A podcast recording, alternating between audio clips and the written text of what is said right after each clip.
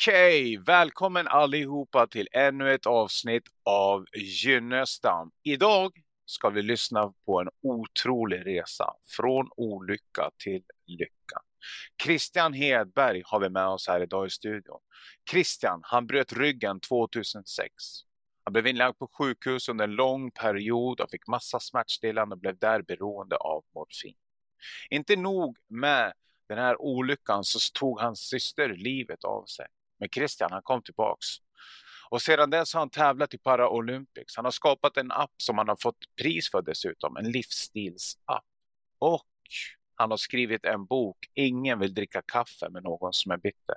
Välkommen in i studion Christian Hedberg. Tack så mycket. Tack, tack. Hur känns det när jag har Men den här presentationen? Känns det känns ju jäkligt stort, får man väl lov att säga. Det är som att jag har gjort en massa saker. Jag brukar nästan aldrig fokusera på vad jag har eh, gjort, utan vad jag ska göra. Okay. Och helt plötsligt så blir det ganska mycket saker som man har lyckats åstadkommit. Verkar det som i varje fall, när folk säger utifrån. Mm. Eh, jag tror också att det är så här att eh, eh ibland kan man få lite att se mycket ut. Så jag kanske inte gör så mycket, utan det kanske bara ser mycket ut. Nej, nej, det här är verkligen att göra mycket. Det, det måste jag absolut säga. Det, det är fler än många har gjort under hela sin livstid. Och att du har vänt på det här från olycka till lycka. Men om vi backar tillbaks bandet 2006 när du bröt ryggen. Om vi, om vi börjar mm. därifrån så kan du berätta lite vad som hände med egna ord. Mm, 2006 så jag är jättehöjdrädd om man är höjdrädd, då måste man ju eh, träna bort det, tänkte jag. Mm. Så jag började klättra. och jag är ju då en, jag är en nörd, får man säga så om sig själv, men jag är en nörd ut i fingerspetsarna. Så när jag får för mig någonting, då lär jag mig allt. Eh, så om det är tält, ja men då kan jag allt om 2021 års tältmodeller. Så det kan ni ju ringa och fråga om ni skulle behöva fundera på någonting.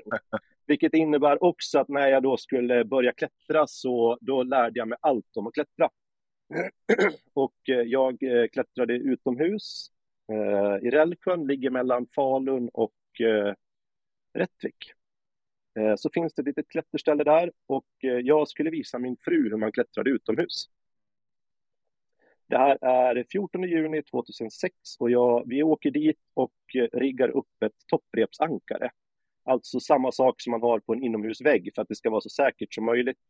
Och innan vi ska sätta igång och eh, eh, klättra så ska vi då rappellera ner oss. Du vet, sådär tufft som man ser på tv när man springer ja. ut för väggen. Liksom. Jajamän, jajamän. Eh, men utan k-pist och eh, armékläder, utan eh, sportkläder och, och klätterpjuck. Liksom. Eh, min fru ska rappellera ner sig först och hon blir eh, rädd och nervös och jag sliter åt mig grejerna och säger så här ska man göra. Jag eh, går ju då och pluggar till lärare, så då tänker man ju så pedagogiskt. Gör som mig och sen så kommer jag att springa runt och så kommer jag tillbaka så kan du göra samma sak ner. Och det, när jag står där på kanten så säger jag precis det och sen tappar jag fotfästet. Och när jag tappar fotfästet så tappar jag eh, eh greppet om repet. Och det som ska bromsa mig bromsar inte, utan jag faller tio meter rakt ner och slår av ryggen. Oj. Oj. Uh, ja, så där börjar det väl. Eller egentligen, alltså du tog upp min systers självmord. Det är så här, jag, jag, första gången i, i höstas så pratade jag om det offentligt. Eh, det är klart att jag har pratat om det sedan hon tog livet av sig. Och det var 2004. Så hon var två, två år innan jag ramlade ner så tog hon livet av sig. Gjorde hon. Så egentligen så började det där. Men, men vi hoppar in och så kör vi liksom eh, eh, olycka, för den, den blir ju ett, ett definitivt liksom brott och förändring. Därför att det är svårt när du ligger på sjukhus och och liksom tänka att nej, fan, det här har inte hänt. Det är jäkligt svårt när du inte kan röra benen, inte röra armarna, eh, du ligger nersövd. Eh, då är det liksom jävligt definitivt. Det är ju någon form av eh, bottenläge i livet. Kan man säga. Och sen så vet jag inte om jag är eh, smart eller korkad, men jag hade ju ganska roligt på sjukhuset. Okay. Det kan ju i och för sig ha att göra med att man petar i sig en hel del smärtstillande eh, medicin. Men alltså eh, sjukhusvistelsen i Uppsala var ju asrolig. Okay. Ja. Eh, då kan man ju tro sig, ja, ja, men eh, det är ju klart att man att det är, det är jobbigt alltihop, så det var asjobbigt. Alltså du vet, bara att lära sig gå på muggen, flytta till en bil. Alltså sådana här saker som du tänker att ja, men det där kan man ju. Lära alltså, sig att sitta. Har, har du funderat på hur fasiken det är att sitta liksom? Alltså, nu halvligger jag här i min fåtölj och, och myser lite grann, så jag sitter väl inte riktigt. Men sitta kräver en hel del av kroppen. Någonting som vi tränar in som, som små barn. Eh, helt plötsligt så ska du lära dig det på nytt. Och då kan man ju tänka så här, min fru, eh, fantastisk, vi har varit gifta i, i, ganska många år, jag har dålig koll liksom. Mm. Men det är över 20 år. Uh, hon har ju varit med på hela den här resan från liksom uh, Erikas död eller ja, från när vi gifte oss, så hela vägen fram till idag. Uh, fantastisk. Att hon står ut med mig, det är ju ännu bättre liksom.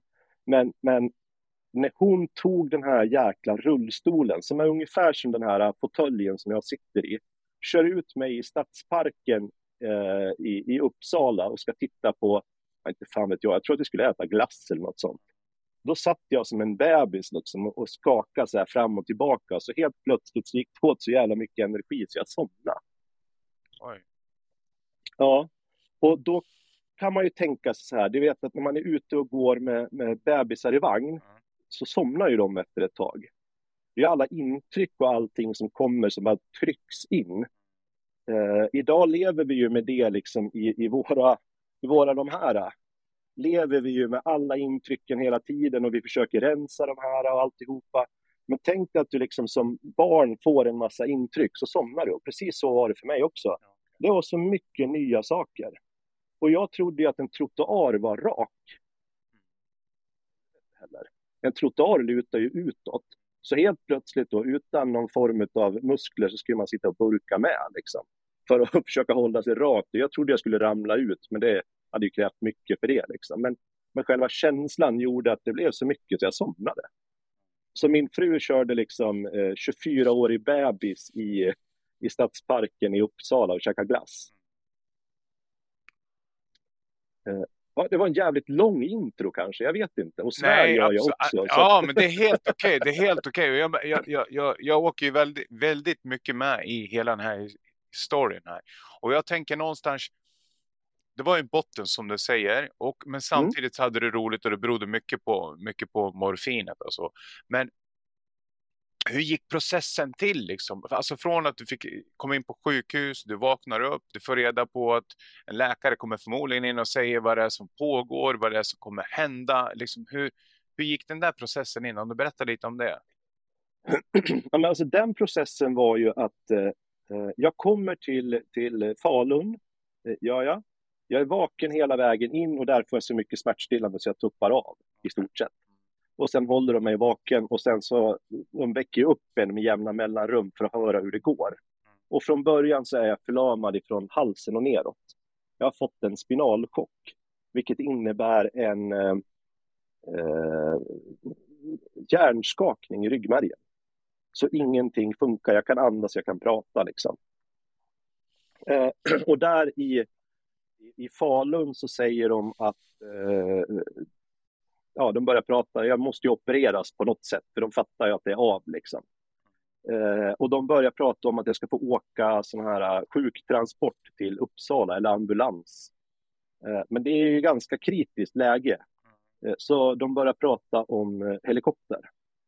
Och jag blir så jävla glad, för jag har aldrig flugit helikopter någon gång. Okay. Ja, så helt plötsligt så, så blir jag, eh, så hör jag så här, ja det blir helikopter men vart ska de gå ner? Det blåser, bla bla bla bla bla. Så eh, de går ner på typ gamla regementet i Falun så fanns det en stor fotbollsplan. Idag finns det ju en helikopterplatta på sjukhuset, men då fanns det en fotbollsplan. dit blev jag körd i, i ambulans. Blev jag. Och när jag kommer fram dit så inser de att eh, Christian är fan lång. Eh, det syns ju inte nu när jag halvligger här som sagt var, men jag är 1,95 lång. Vilket innebar att de var tvungna att plocka ur delar ur helikoptern för att få med mig till Uppsala. Okay. Eh, och väl i Uppsala så blir jag eh, opererad. Blir jag. Massa timmar. Eh, och efter det så hamnar man på NIVA, alltså neurointensiven. och det är ju så här tyst. Eh, man får komma in en och en, får man göra. Och eh, mina kompisar har ju då hört att jag har ramlat ner och att jag är opererad och bla bla bla bla bla. Så tänker de så här, fan vad glada vi är att Christian ska, eh, att han har överlevt. Så vi drar till Uppsala och köper en, eh, eh en present, så här, get well-present eller vad man säger för någonting. Eh, jag läser ju då, så här, geografi är mitt, ett av mina huvudämnen i, när jag läste till lärare.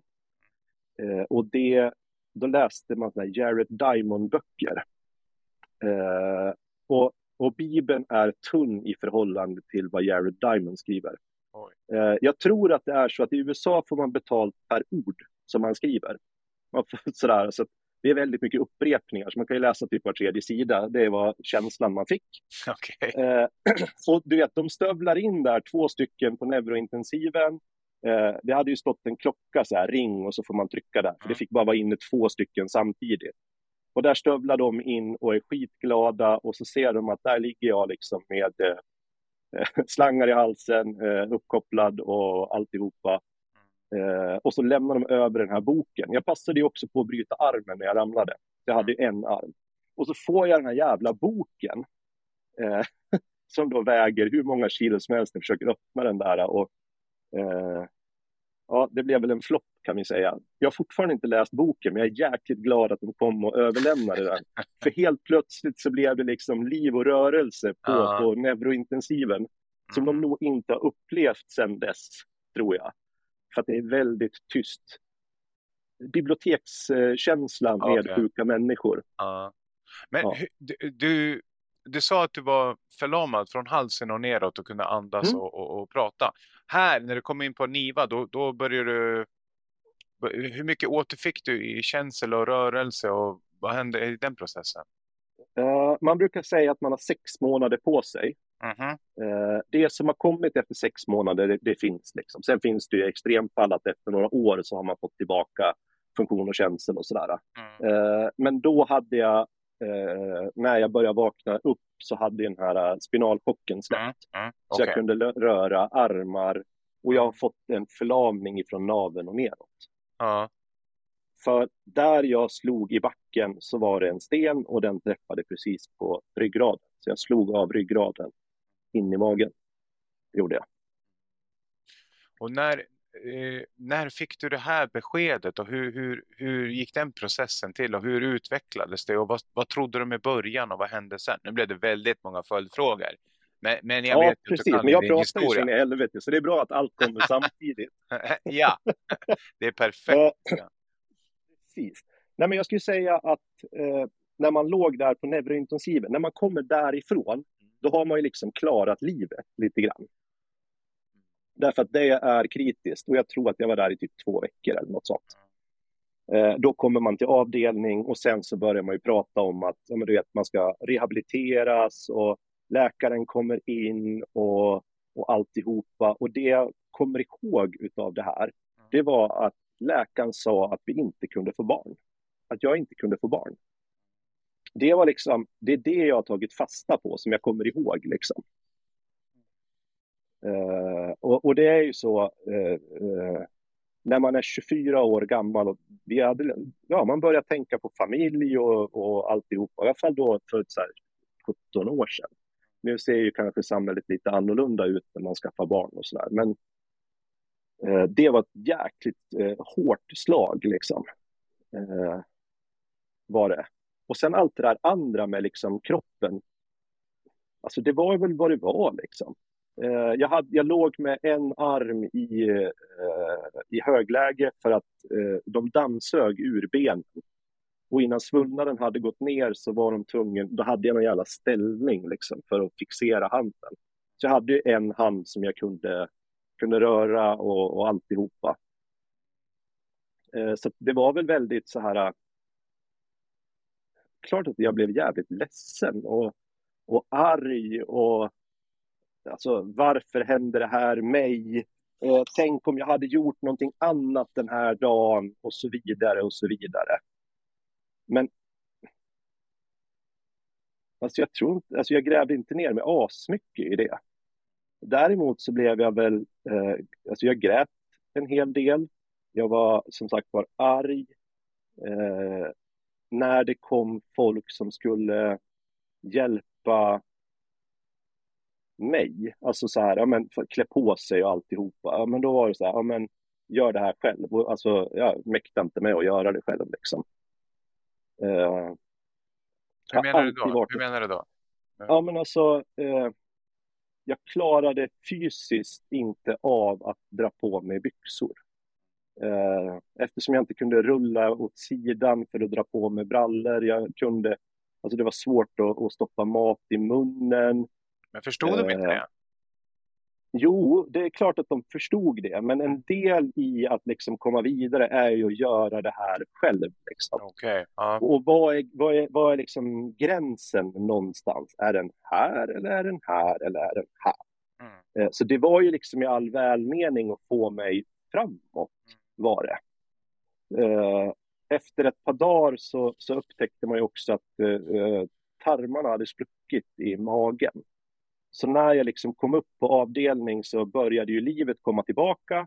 Min fru kommer och vi ska dricka kaffe med en, en kompis. Och de frågar så här, Christian, ska du verkligen dricka kaffe?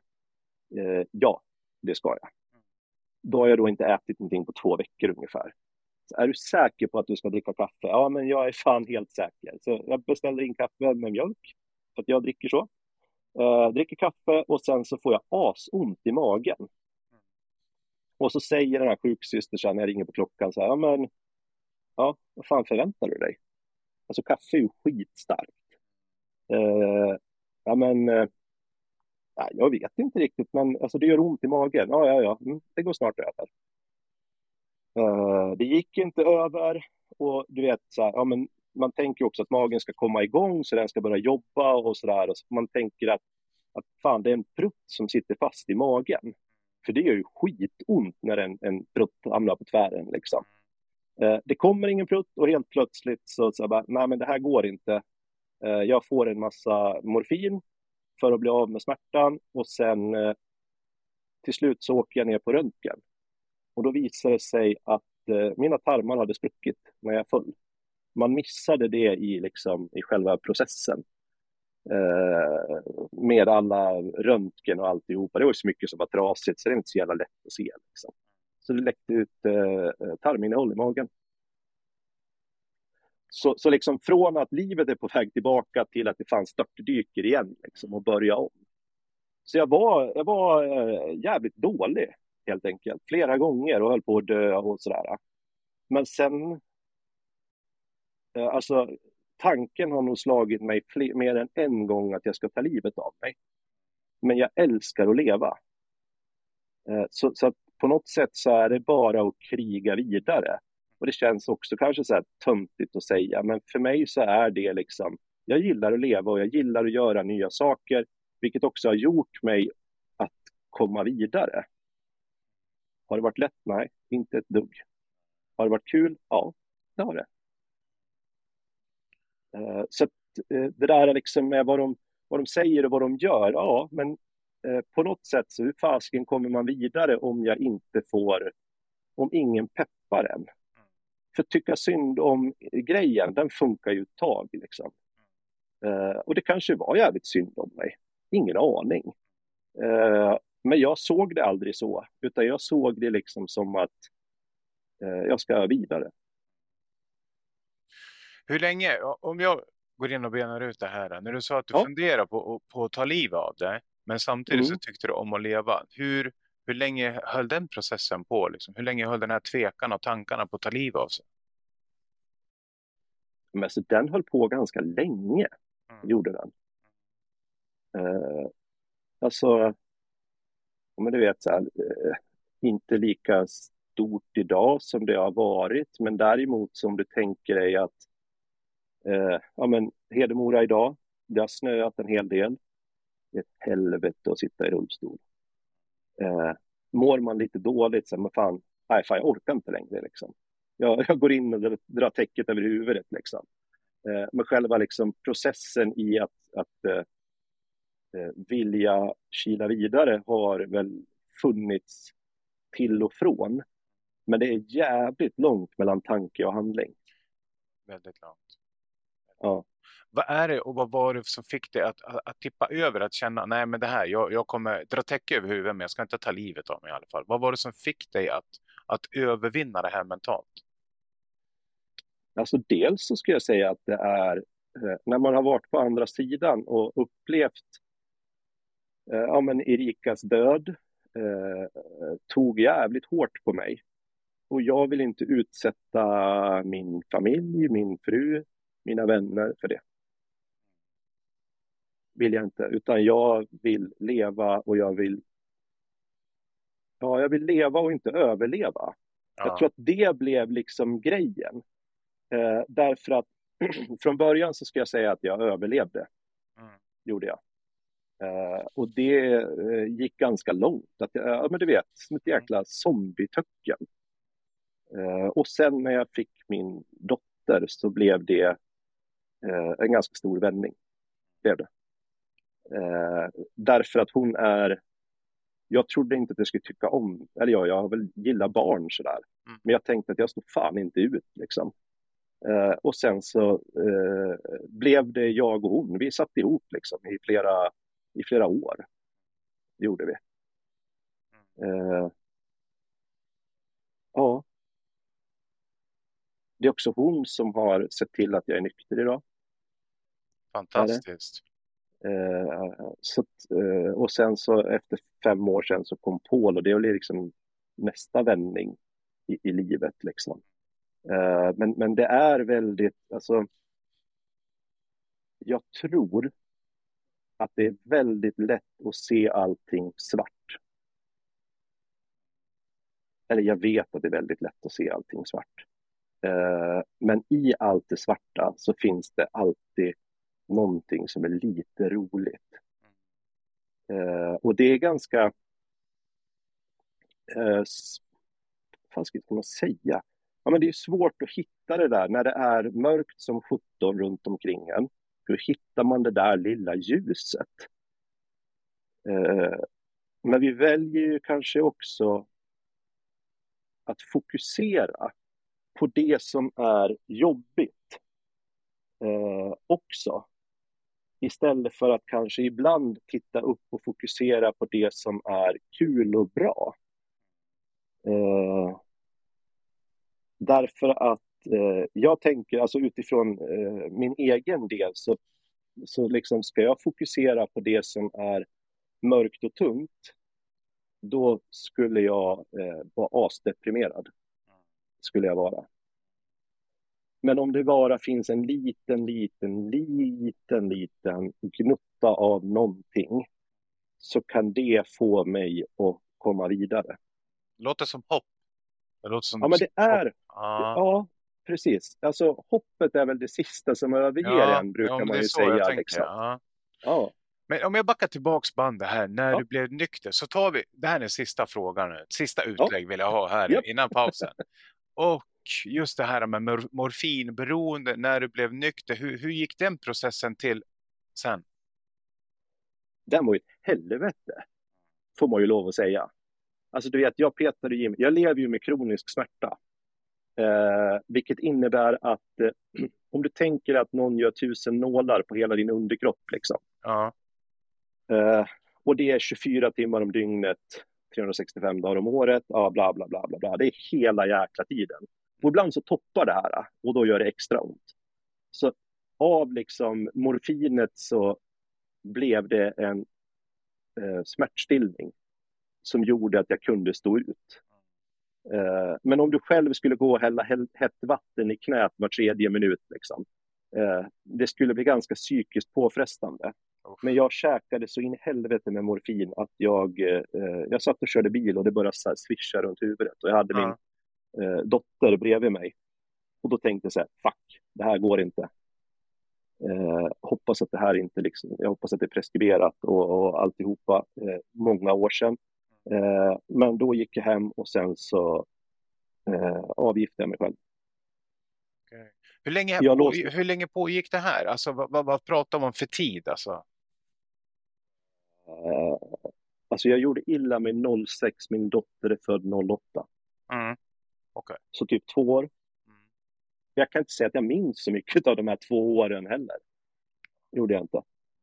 Eh, och det här var det svåraste jag har berättat någon gång i mitt liv. Det är ju just det här med att berätta för sitt barn att eh, pappa var inte så jävla smart. Eh, han höll på och eh, ha ihjäl dig. Jag krockade inte, jag gjorde ingenting, utan det var bara alldeles för mycket smärtstillande. Och jag åkte hem och jag, eh, vad heter det, eh, bestämde mig för att nu ska jag sluta. Och det var asjobbigt. Eh, för jag trappade inte ut, utan jag slutade Tvärt? Så. Ja, tvärt. okej. Eh, med facit i hand och saker som jag vet idag så skulle jag ha gjort på ett helt annat sätt. Skulle jag ha gjort. Därför att eh, det är ju så också att man kan dö utav eh, eh, avsaknaden. Liksom. Opiater gör ju det med kroppen. Opiater Ah. gör det, att kroppen stänger ner. Liksom. Eh, men jag låg väl typ i två, två och en halv vecka. Gjorde jag. Eh, och svettades och hade ångest och tyckte synd om mig själv och livet var ett helvete. Mm. När vi flyttade sen typ ett halvår senare, du vet, det var pillerkartor i, i bokhyllan, det var pillerkartor i skåp, fan överallt. Eh, det här som man ser i en, i en film och så tänker man så här, mm, det där är lite överdrivet. Det var det inte. Eh, hade jag druckit så hade jag ju haft eh, vinflaskor och stått överallt. Liksom. En sista fråga nu när jag går till paus. Sjukvården, alltså när, när de började ge dig morfin, fanns det inte någon form av alltså hjälp i form av läkemedelsberoende? Alltså fick du någon information eller erbjudan om hjälp för att trappa ner och, och, och komma till bukt med det här? Nej, men du vet, alltså när man är beroende Ja, så är man jävligt duktig på mörka saker och ting också. stämmer. Är man. Eh, hade jag bett om hjälp så hade jag fått hjälp. Mm, okej. Idag hade jag bett om hjälp. Mm. Då fattade jag inte. Eh, så jag menar, det är inte så att eh, eh, man kan skylla på, på vården kan man tro. Men det är fortfarande inte vården som har gjort att jag har tagit mer piller än vad jag behövde. Ja, du utvecklar ett, ett, ett, ett progressivt aggressivt beroende i det här alltså. Ja, precis. Okej, vi ska göra så här nu Christian och alla som lyssnar att vi ska gå till en kortare paus så är vi strax tillbaks med del två så stay tuned.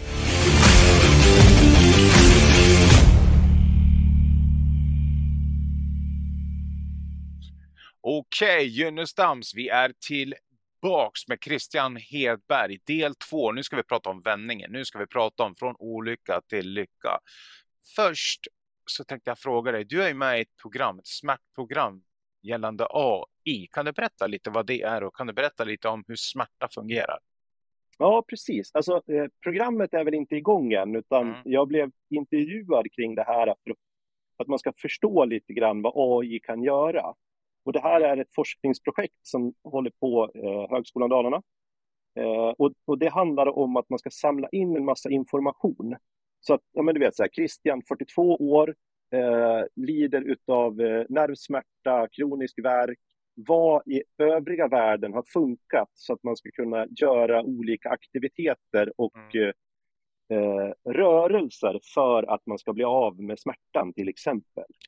Eh, så, så att det är liksom själva AI-grejen är att plocka ihop det här.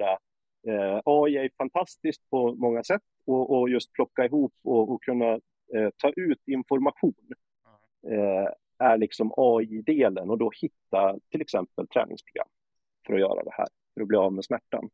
Okej. För, för smärta är ju någonting som, nervsmärta är ju ett hjärnspöke. Nu kommer det att eh, komma en massa hatsaker till mig, men det är helt okej. men, men tänk så här att eh, för mig så, eh, Christian rör på benen.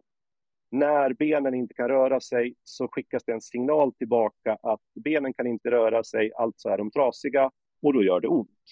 Så jag har ju ont i någonting som jag inte har känsel i. Eh, eftersom jag är då förlamad från naveln och neråt så ingenting där under funkar. Så det innebär ju också att då benen funkar inte. Men det finns någon form av nervtråd som då är hel och den skickar smärtimpulser upp i hjärnan att jag har ont.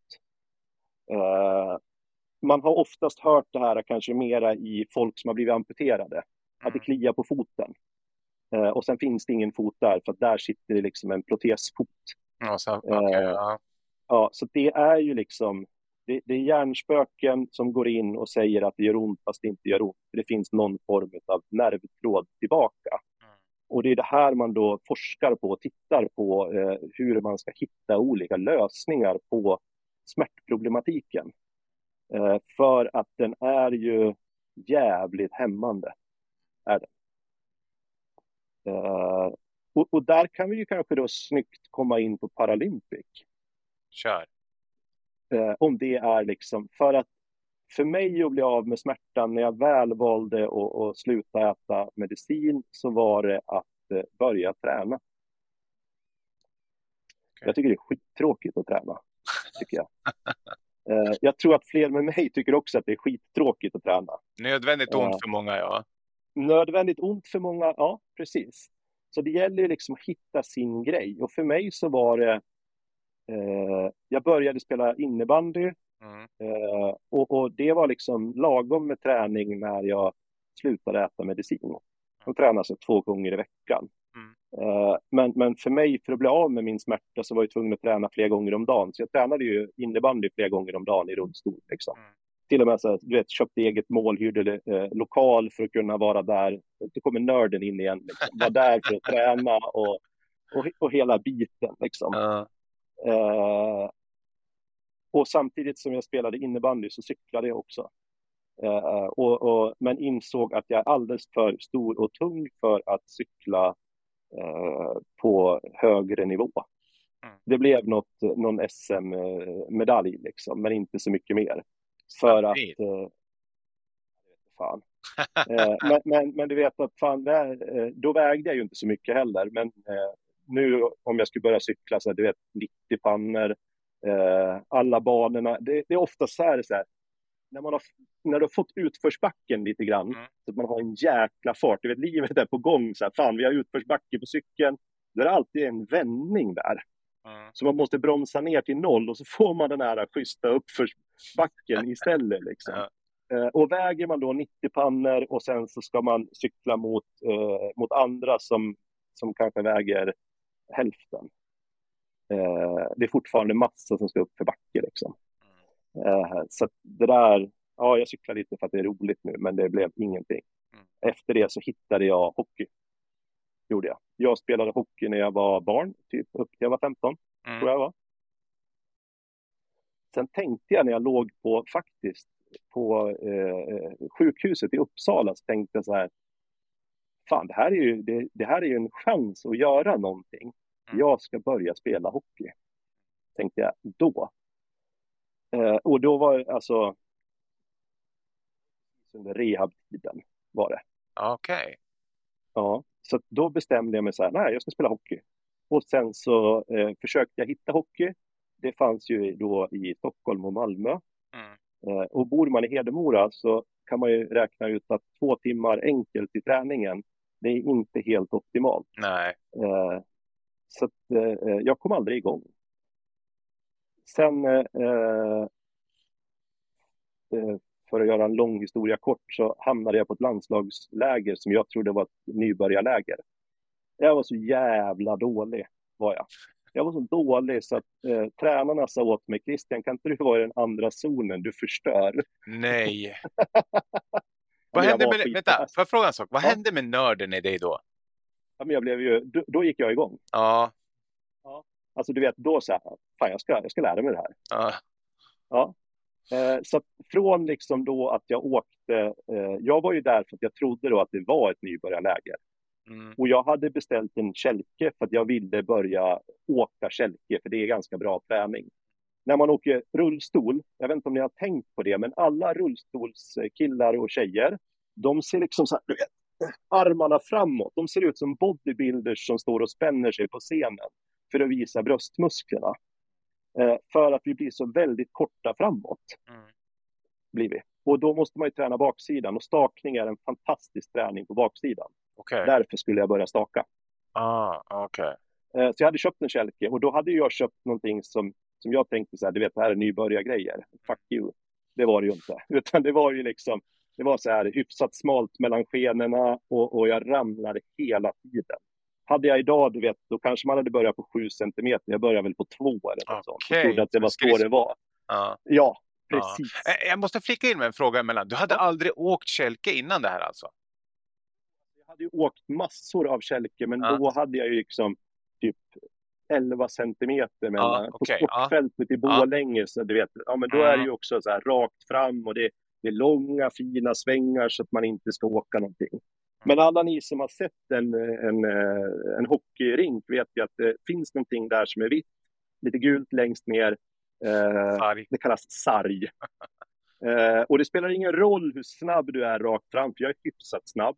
Kan du inte svänga, då är det kört.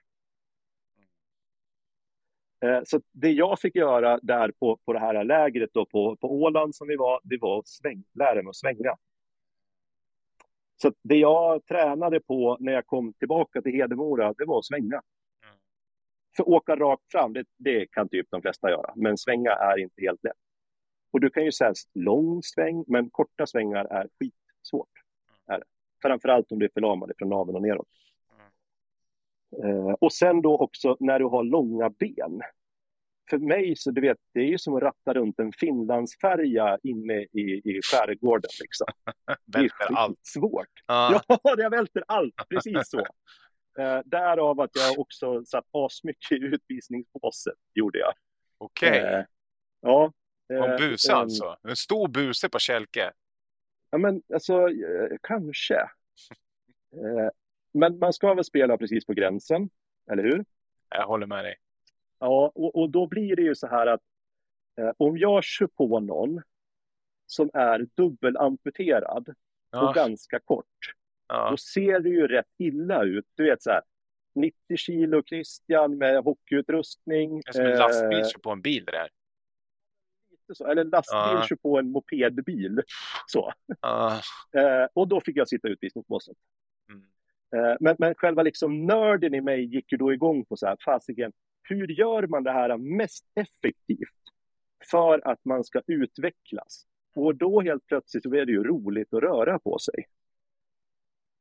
För det handlar ju om att lura mig själv och tro så här, mm, men det här är ju faktiskt inte träning, utan det här är ju nördutveckling utan dess like. Eh, Så det är ju liksom allt ifrån att man ska träna svängarna till och så här, hur hanterar man puck? Det är ju inte så jäkla lätt. Och hur hanterar man puck med vänsterhanden? Det är ju skitsvårt. Eh, är det. Och Mm. då får man ju liksom så ja, och så måste man bryta ner saker i små delar. Därför att det oftast, eh, eh, när jag sätts inför en uppgift som är ny, om det är hockey eller tältletande eller filmning eller poddinspelning eller vad det än är för någonting, eh, så måste man ju bryta ner det till små och mindre delar. För att det här stora, det blir så jättejobbigt, Mm. blir det, att ta hand om. Och då blir det så här, okej, men nu tränar vi på att svänga till höger. Och sen så var jag i ishallen eh, typ två timmar om dagen och svängde till höger. När jag behärskade högersvängen på rätt sätt som jag tyckte, då lägger vi till vänstersvängen. Bryt upp, dela saker i små bitar för att eh, det ska bli så enkelt som möjligt och inte så övermäktigt. Träna in automatiska reflexer också för hjärnan. Mm. Så att det bara sitter Precis. där. Alltså det är övning Ja. erfar- Ja, ja häftigt. Precis. häftigt. Ja, jag vet du vad jag tänker på? Muhammad Ali där ja. Jag gör det Okej. tusen gånger så jag ska göra det en gång bra. Med hans jabb. Ja, Träna och det, det är men det många... kanske... Ja, Ja, det låter ja men det är nog det. så. Mm. Ja. Mm.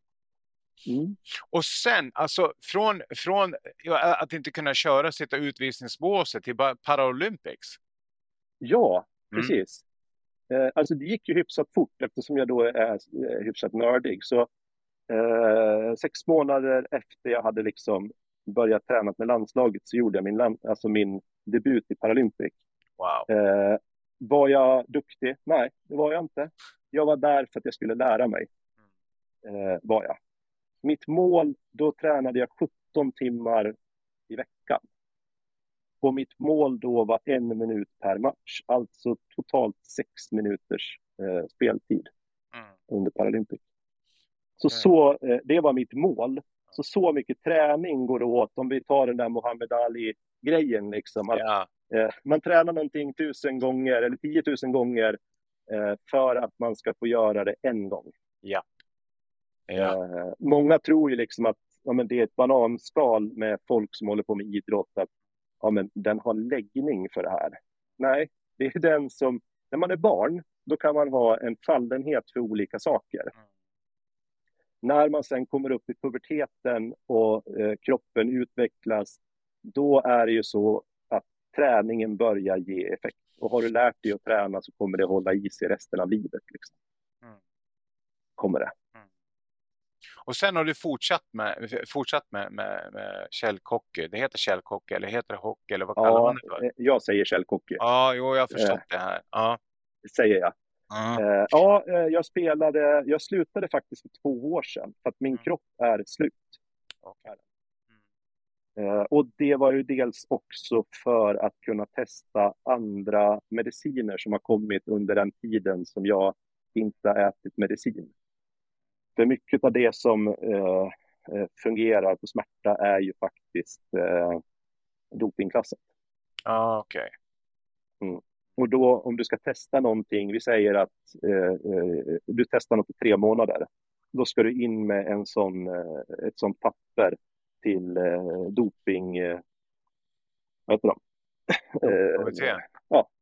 ja, dopingkommittén och så ska de godkänna, så, ja men det finns inget annat alternativ för Christian. Ja, ja så stämpla på den.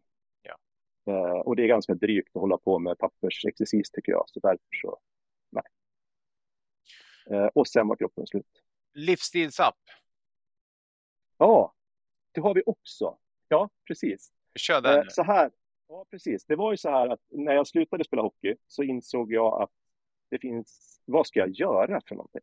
Jag måste hitta en aktivitet. För jag gillar ju att göra saker, jag gillar att utmana mig själv. Och alla de här sakerna som jag då har hittat har jag plockat in i en livsstilsapp.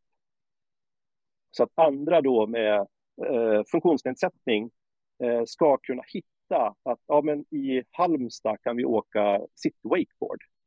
Okay. Eh, där har man liksom anpassat ett stenbrott så att man kan komma ner med hissar, ramper, så du kan åka wakeboard i stenbrottet. Eh, och alla sådana här saker, det är inte helt lätt att hitta.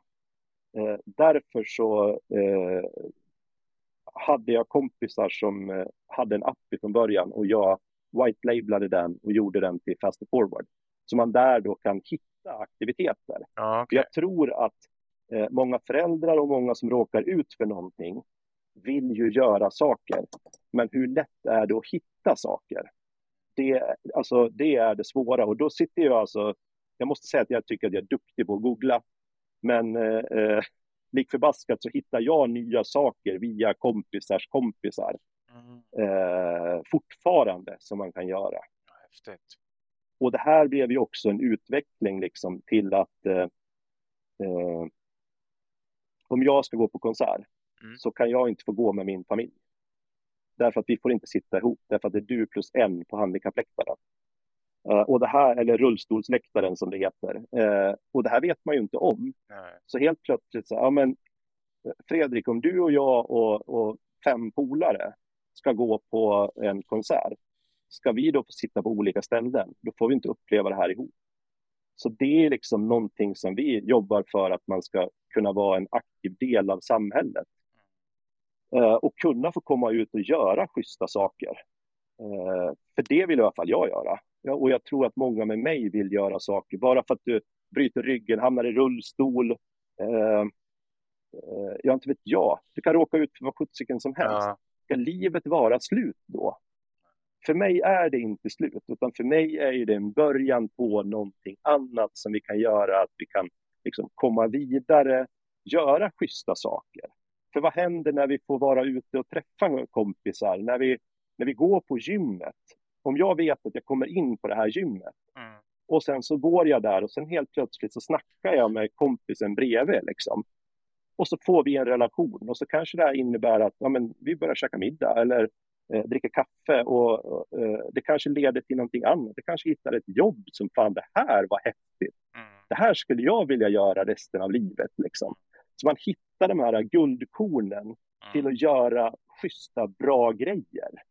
Uh, för jag tror att det är det som liksom gör att, att jag kan ha ett smile på mina läppar, även om det är jobbigt med snön ute eller vad det än är för någonting. Att man hittar sin grej liksom. Och om du inte vet att det går att hoppa fallskärm i Bålänge när du sitter i rullstol, uh, hur ska du då liksom komma dit? Det är helt omöjligt. Vad heter appen? Appen heter Faster Forward. Gör den. Okej, okay, jag trodde det där var någon mm. sån här teknisk uh, mjukvara eller någonting. Jag är lite snurrig ja. här. Nej, fallande. Fast, faster Forward heter appen. Ja, Okej, okay, ja, jättebra. Men då har du sagt det en gång till i alla fall. Okej, okay, boken. Jag skrev ju en bok för en, massa år sedan. Mm.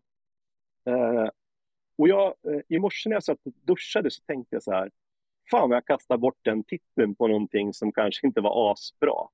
Och så tänkte jag så här, ja men eh, eh, titeln är ju ingen vill dricka kaffe med någon som är bitter. Mm. Eh, och så, tänkte jag så här, tänk om man hade använt den titeln till någonting annat eh, som hade varit roligt. Men sen så, vad fan, den var, det var bra att skriva den där och då. Mm. För mig var det skitbra. Mm. För jag var tvungen att fundera på vad smärta är för mig. Okej. Okay. Eh, men däremot så kan du ju byta ut smärta mot kris eller någonting annat. Mm. Alltså, det behöver ju inte bara vara smärta, utan det kan ju vara vad som helst. För att när livet ställs på ände, alltså hela det vi har pratat om nu, ja. eh, när livet ställs på ände så ibland så behöver man någon som skakar om en så man fattar att fan det finns en hel del schyssta saker att leva för. Uh, och då kanske min bok kan vara en del i det. Jag vet att det finns jättemånga andra bra böcker också. Det kan vara den här podden, det kan vara vad som helst. Men ibland så behöver vi utsättas för saker och ting som skakar om, som ändrar vår världsbild lite grann. Uh, och, och, kanske inte att vi tycker synd om oss själva. Nej. Jag vet inte om, om jag hade suttit här och, och tyckt synd om mig själv, för även när vi pratade om Eh, om det här liksom första delen och det var jobbigt och alltihopa, eh, så hade, har åtminstone jag ett smile på mina läppar. Jag såg att du log någon gång då och då mm. också. Mm. Eh, och, och, hade vi varit kvar i det och, och alltså bara tycka synd om, det är så jävla osexigt. Förlåt att jag säger det, men det, nej, det är nej, liksom... nej. Jag hade, om jag ska vara ärlig, jag hade lite ja. svårt att, att, att leva med det, för det, det, det, skulle kännas lite konstigt för mig med tanke på det du råkade ut för. Så anledningen till att jag hade lite mer stoneface än dig där, det handlar helt, helt och kort och gott om att jag har respekt för det du har eh, blivit utsatt för och varit med om. Och det alla andra som lyssnar också har varit med om. Det, det handlar om det. Ja, det känns liksom om du säger att du har brutit ryggen, ska jag säga, aha, det hade... Ja. du, du förstår vad jag menar. Jag förstår precis ja. vad du menar. Och, och, det är det här som också blir svårt, därför att ju mindre vi pratar om saker, ja. desto svårare blir det ju också att, att le. Alltså, eh, på mitt, alltså, för mig så är det som, fan humor är ju det som kommer, som ja. tar mig vidare. Ja. Eh, jag måste skratta, jag måste ha roligt. Mm. Eh, när jag kom hem ifrån sjukhuset, jag hade skrivit ut mig själv för att jag tyckte att vården inte var bra. Mm. Eh, jag tyckte det var jättejobbigt att ligga i Falun, mm. eh, tyckte jag. Och, och, jag fick liksom inte det jag behövde, tyckte jag då. Eh, sen om det var rationellt, ingen aning, men jag är väl kanske inte asrationell varje gång. Men när jag kommer hem då och sen så lägger jag med min fru i, i sängen och du vet, vi har byggt om eh, lägenheten så jag ska kunna bo där ja. eh, temporärt liksom. Eh, och så ligger jag där i sängen och sen så tänker jag så här, men nu ska jag prata med Marie om, om hur vi får det här liksom, hur hon har haft det. För det blir väldigt mycket fokus på mig och mina känslor och alltihopa. Inte så mycket på Marie som faktiskt stod bredvid. Det var hon som egentligen skulle ha, ha vad heter det, eh, rappellerat ner sig. Alltså, du vet, allt den här ångesten som hon Mm. också har i Ja. sig. Så tänker här, ja, men nu ska jag prata lite med henne och så tänker jag på någon form av öppningsfras. Så, så ligger jag där och sen så klappar jag henne på benet och sen så eh, Marie, har det här varit jobbigt för dig? Ja, jo, men det har varit jobbigt och det har varit liksom drygt och, och jag har varit ledsen och så där, men skönt att du är hemma. Ja, jo, för jag tänkte liksom att eh, du har inte raka benen. Ja, men för i helvete Christian, det har jag visst det. Du klappar ju på ditt eget ben. Nej. Så där ligger jag och ska försöka liksom tänka att jag är snäll och omtänksam Ja. och eh, så här, klappar på min ben och, Mm. och, och, och tänker då att frun, att det har varit jobbigt för henne, att hon inte liksom, ja men du vet, så här, jag orkar inte riktigt eh, fokus på allting framåt, lösningsfokuserat. Och jag ligger och klappar på mitt eget ben. Det var Nej. inte kärleksfullt för fem öre. Nej, jo men det var det. Alltså, det- Men det var det. Alltså. Ja, handlingen var kärleksfull mot Ja. mig själv. Ja. Men jag, jag tänker så här, du har, ju så, du har ju så mycket energi, du har så mycket glädje, du har så mycket eh, lycka i dig just nu. Och jag tänker, jag ska kolla en sak nu. Begreppet handikappad, vad tänker du om det begreppet? Alltså jag tänker så här. Idag så tänker jag att det är ganska tufft. Tycker jag. Alltså jag tycker att det är ganska häftigt. Eh, och jag tycker att det är coolt att jag har fått uppleva det. Eh, hade jag velat varit utan det? Ja, eh, jo, det hade jag nog kanske. Men eh, för alla pengar i världen är det viktigt att kunna gå? Nej, det är det inte. Men, men begreppet handikappad för mig spelar, alltså vilket ord man sätter på det, eh, spelar för mig ingen roll. eh, I, I handikappkretsar eller funktionshinderkretsar eller eh, det senaste är väl funktionsvariationskretsar Mm. eh, så är det ett jävligt hårt klimat. Är det. Mm. Alltså du vet att eh, handikappade är väl bland det snällare kanske man säger till varandra. Det kan vara en massa saker som kommer ut liksom. Ja, okej. Eh, så Vad är det för men saker kommer... då? Nu måste jag, det måste jag hugga Ja, på. precis. Vad är Ja, det men du vet, det kan ju vara så här, rullstolsapa, skröpper, eh, invalid. Alltså det är en massa som är ganska hårda. Som ni säger till varandra? Ja, men som man kanske sätter epitetet på sig själv i det sammanhanget liksom. Mm. okej. Eh, så att, eh, men jag, jag förstår också att debatten är hård kring handikapp, kring funktionsnedsättning, funktionsvariation. Alltså, det, alltså man vill ju inte bli kränkt. Jag vill inte kränka någon och jag vill inte att någon annan ska bli kränkt. Mm. Eh, så att jag säger funktionshindrad eh, och då utgår jag ifrån mig själv. Därför att jag är hindrad i vissa funktioner, till exempel i mina ben. Ja, Eh, handicap kommer ju faktiskt, vet du var det kommer ifrån förresten? kör. Ja, England. När man satt och tiggde, Okej.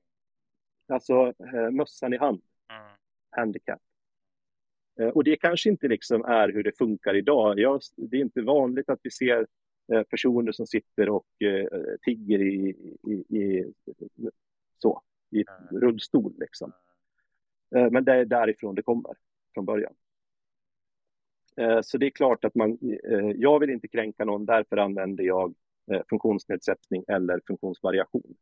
Eh, och det här går ju liksom lite isär beroende på vilken myndighet det är också. Mm. Så. Men, men ja, Ja, jag vet ju att det har varit en, en hård och är en stor debatt kring, kring begrepp. Jag visste inte var det kom ifrån. Det visste jag inte. Ja. Men nu vet jag. Nu förstår jag också Mm. ännu mer. ja, Christian Hedberg. ja. Målet, vägen, livet till lycka som du verkligen har uppnått. Vad skulle du säga är, är de största ingredienserna till det? Alltså, eh, det intressanta är ju hur man väljer att se på livet och vad lycka är för mig. När jag gjorde illa mig så hade jag en annan eh, tanke vad lycka var. Mm. Jag tänkte att lycka hörde ihop med ekonomisk framgång. väldigt många som tror det. Så många, eh, jag tror att många med mig tänker att lycka hänger ihop med ekonomisk framgång. Att jag har ett stort hus, att jag har de här prylarna, senaste bilen, senaste telefonen. Eh, det är inte lycka för mig. Är inte. Utan lycka för mig, det är att eh, må bra utifrån mina förutsättningar. Och att jag är tacksam över det jag har. Jag, ibland så fastnar väl jag också liksom i Instagramflödet och tittar på schyssta hus. Jag skulle jättegärna vilja bo utomlands, ja. eh, framför allt under den här perioden, eh, att värme underlättar smärtan och det är ganska skönt att slippa vara blöt ifrån eh, november till april när man sitter i rullstol, för det blir man. Det skulle vara jätteskönt. Så jag, vet, jag drömmer mig bort i semesterbilder och tittar på stora hus i eh, södra Europa där jag skulle kunna va, ha en pool och så vidare. Mm. Eh, och tänker så här, ja men det där skulle kunna vara ett mål för mig att hitta dit. Men jag tror inte att jag skulle upp, alltså hitta lyckan bara för att jag har hittat eh, en lösning för att få pengar till att vara där. Liksom. Utan för mig så är det att jobba med den lilla tacksamheten. Every day. Tacksamhet. Fantastiskt. Eh, och jag vet inte riktigt, men, men när man börjar med att jobba med tacksamhet så jobbar man ju kanske, ja men då blir det så här, ja men tak över huvudet. Men när du har, har, har jobbat vidare på listan, då blir det svårare att hitta de här tacksamhetsgrejerna. Och det är då tacksamheten börjar kicka in, när man läser igenom vad jag faktiskt har för någonting för att vara tacksam över. Mm. Eh, vad har du, vad liksom, om jag ställer en fråga mm. tillbaka till dig Fredrik, vad mm. tänker du tacksamhet och Tacksamhet för mig, det, varje kväll kan jag säga så, så går jag ja. igenom saker jag är tacksam för för dagen. Det kan ja. jag säga. Det, det, ja. det är någonting som jag jobbar på att förvalta, för försöker förvalta också. Jag har också, jag har också varit med om mycket olycka i mitt liv och gjort mig själv framförallt olycklig. Och just det här du säger med pengar, att pengar köper inte lycka, det, det, det kan jag skriva under på. Det, mm. fick mig till vansinnesport istället. Det mm. och, och eh, droger. Så mm. för mig är tacksamhet, det är att vakna upp nykter. För mig. Är tacksamhet att gå och lägga sig nykter.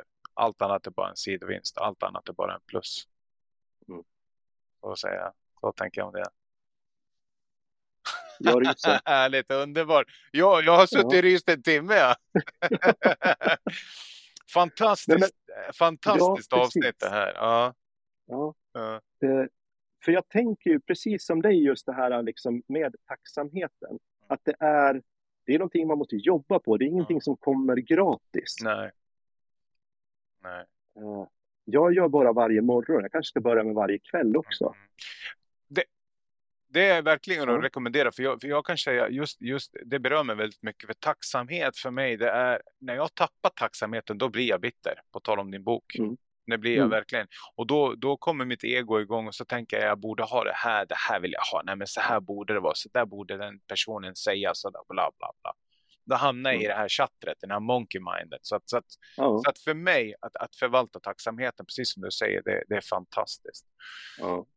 Och det, eh, eh, den här skillnaden mellan bitterhet och tacksamhet, den är ganska liten. Väldigt. Det är som en, alltså det är en väldigt tunn lina man balanserar mm. där på mm. för att hitta tacksamheten. Mm. För ifrån bitterheten kan man faktiskt hitta tacksamheten också. Ja. Mm. Jag, jag, tänker så här nu mm. Christian. Mm.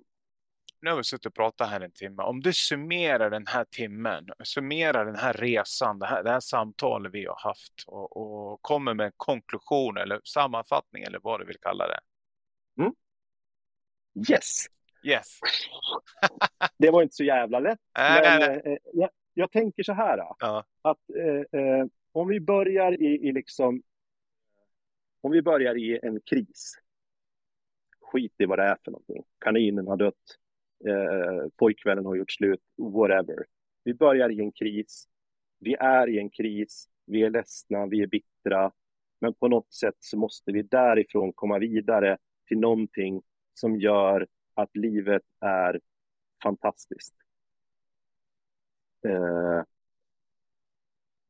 så det skulle jag väl liksom sammanfatta alltihopa med.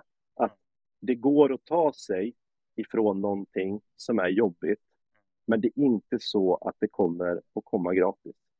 Vi måste jobba, vi måste komma vidare, men framför allt att vi slutar tycka synd om oss själva.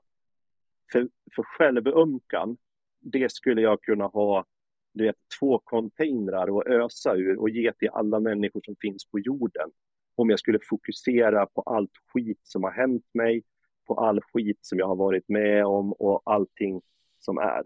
Mm. För mig så är det omge mig med bra människor som tycker om mig för att jag är jag och jag ska tycka om dem för att de är dem och sen jobba på min tacksamhet och framförallt ha jävligt roligt. Ja. oj, oj, oj. Det där ja. var, alltså, nu är det min tur. Nu är det jag som ryser. Ja. Okej, tusen, tusen tack Christian Heber att du ville ställa upp här, dela med dig av din resa, dina tankar, reflektioner om livet som sådant. Till alla er som har lyssnat, kom ihåg gilla, dela, prenumerera samt rekommendera. Vi hörs!